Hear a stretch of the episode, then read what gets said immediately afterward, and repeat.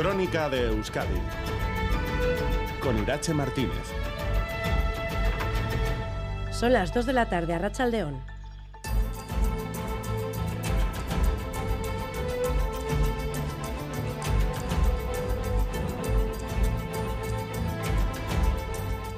La aportación más importante que hemos hecho es una nueva cultura de diálogo. Y en esa nueva cultura de diálogo se han ido tejiendo eh, espacios de, diálogo estables, otros muchos públicos, otros no públicos, que solamente todavía no toca, no toca contar, entre múltiples agentes políticos institucionales en el que se ha ido construyendo una confianza.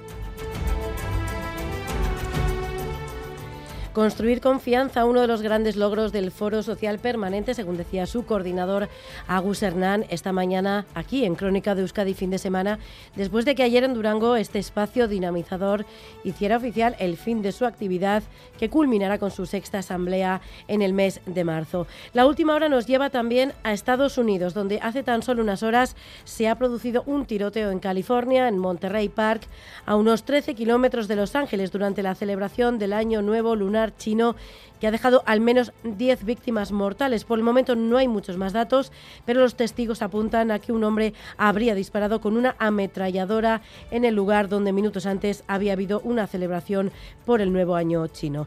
Les contamos también en esta portada que ha muerto un histórico del sindicalismo vasco y el movimiento obrero. Ha fallecido David Morín a los 95 años de edad. A finales eh, de los años 40 organizó los primeros movimientos sindicales en la margen izquierda, militó inicialmente en el PCE, posteriormente en comisiones obreras, fue de hecho uno de sus fundadores y también militó en el Partido Socialista Obrero Español.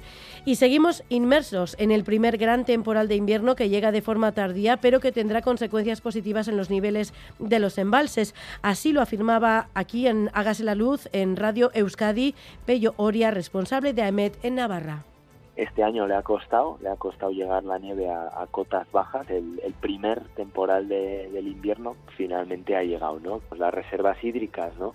Aumentará la situación de los embalses y esto pues bueno, hará que lleguemos allá primavera y verano quizás un poquito mejor ¿no? que el año pasado.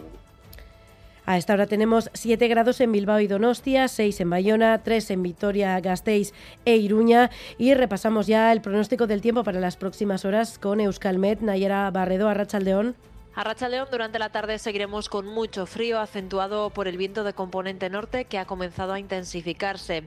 Las nubes también irán a más, sobre todo en Vizcaya y Álava, aunque en general no nos dejarán lluvia. Eso sí, en zonas de montaña no descartamos que puedan ver que se puedan ver algunos copos de nieve. Y mañana lunes comenzaremos la semana con el frío como protagonista. El ambiente será además algo más gris con abundante nubosidad, salvo en el este de Navarra, donde el cielo estará más limpio. También esperamos algunas mañana a lo largo del día con una cota de nieve en torno a los 400 o 500 metros. A primeras horas, además, esa cota podría estar más baja, especialmente en el este. Así, en algunas zonas del interior conseguirá blanquear un poco, mientras que en otras apenas esperamos acumulados. Las mínimas subirán un poco, pero aún así se registrarán heladas, mientras que las máximas descenderán y no pasarán de los 8 grados. Por lo tanto, el frío vendrá acompañado de algunas precipitaciones mañana que se darán en forma de nieve en puntos del interior. En carreteras sin incidencias a esta hora, según el Departamento de Seguridad y el Gobierno de Navarra. Así que vamos ya con la actualidad deportiva. John Zubieta, Rachaldeón. Hola, Rachaldeón. En la final de la Supercopa Femenina, la Real Sociedad buscaba el más difícil todavía al medirse al imbatible Barça. Se ha impuesto la lógica y las culés han ganado con 3-0 con suficiencia. Hablamos de baloncesto porque el Bilbao Basket apura sus opciones europeas, o mejor dicho, coperas, frente al Fútbol Club Barcelona. Yago Barostegui.